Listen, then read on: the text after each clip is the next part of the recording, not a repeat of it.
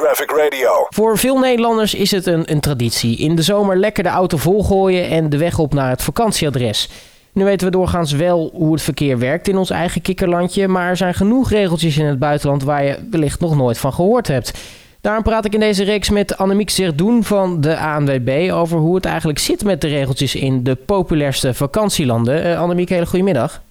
Goedemiddag, daar zijn we weer. Daar zijn we weer. Dan gaan we het uh, dit keer eens hebben over uh, Italië. Um, nou, voor vaak Nederlanders ook niet heel erg onbekend. Uh, lekker vertoeven aan het Gardameer bijvoorbeeld.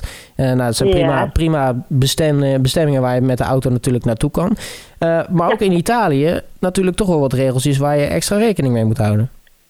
Ja, dat is zeker zo. Uh, en waar uh, Italië vooral, uh, nou in ieder geval bij ons bekend voor is, is de verkeersluwe zones.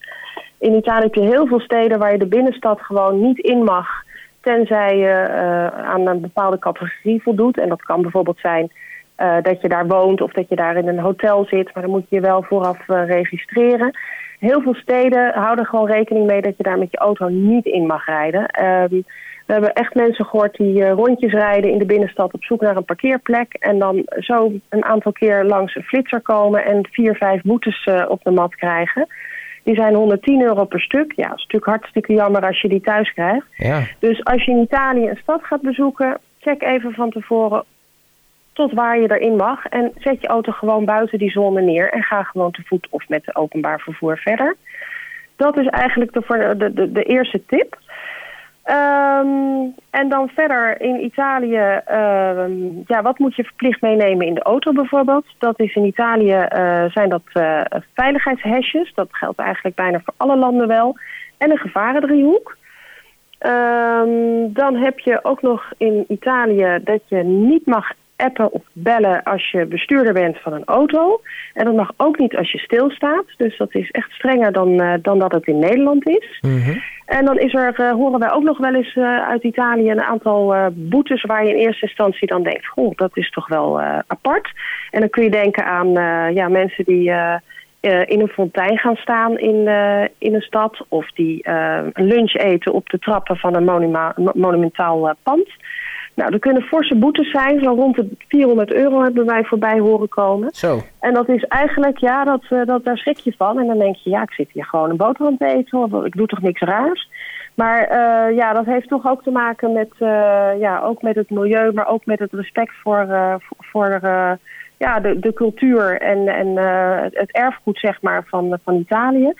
Dus eigenlijk is mijn tip in Italië, ga vooral genieten. Maar ja, let wel een beetje op. Heb respect voor, uh, voor de monumenten en voor de, de plekken waar je bent. En uh, in het openbaar ja, gedraag je gewoon uh, een beetje netjes. Daar komt het eigenlijk op neer. Dan moet het goed komen. Ja, dan zul je zeker in Rome een probleem krijgen als je dan niet, niet daar rekening mee houdt. Ja, dat, dat kan inderdaad, ja. Dan zullen ze denk ik sowieso niet al te blij zijn met Nederlanders. we weten allemaal nog iets met een Trevi-fontein. Ja, nou ja, dat, dat zijn natuurlijk wel dingen die dan blijven hangen. Uh, maar ja, de, de oorzaak, of in ieder geval de boete, dat, dat is natuurlijk wel een beetje wat ik net zei. Hè. Je komt ergens en uh, je moet je gewoon toch een beetje respectvol gedragen naar, uh, naar de mensen toe, naar de stad toe, maar ook naar de, naar de gebouwen toe. En dat vergeten mensen nog wel eens. Je bent natuurlijk in de vakantiestemming, je denkt, hoppakee, nou, dat was natuurlijk wel extreem. Dat uh, had niets meer met een vakantie te maken. Maar zo in nee, het algemeen niet. ben je in het buitenland natuurlijk toch wat vrijer. En dan denk je, nou ja, goed, moet allemaal kunnen. Maar ja, zo werkt het in het buitenland toch niet altijd. Ja, nu uh, weten we ook grote steden in Italië, net als in Frankrijk. Uh, daar kan het ontzettend hectisch zijn als je daar een beetje met je auto uh, doorheen wil begeven. zeker in Italië hoef je maar iets fout te doen of de handgebaren en de favanculo's vliegen je om de oren. Uh, wat, wat, wat kan je daar eigenlijk al als tip aan meegeven? Is dat misschien gewoon zet je auto buiten de stad neer en zoek het lekker verder uit met het OV? Ja, nou ja, kijk, sowieso moet je dus, wat ik net zei, al wel een beetje goed uitkijken of je de stad wel in mag met je auto.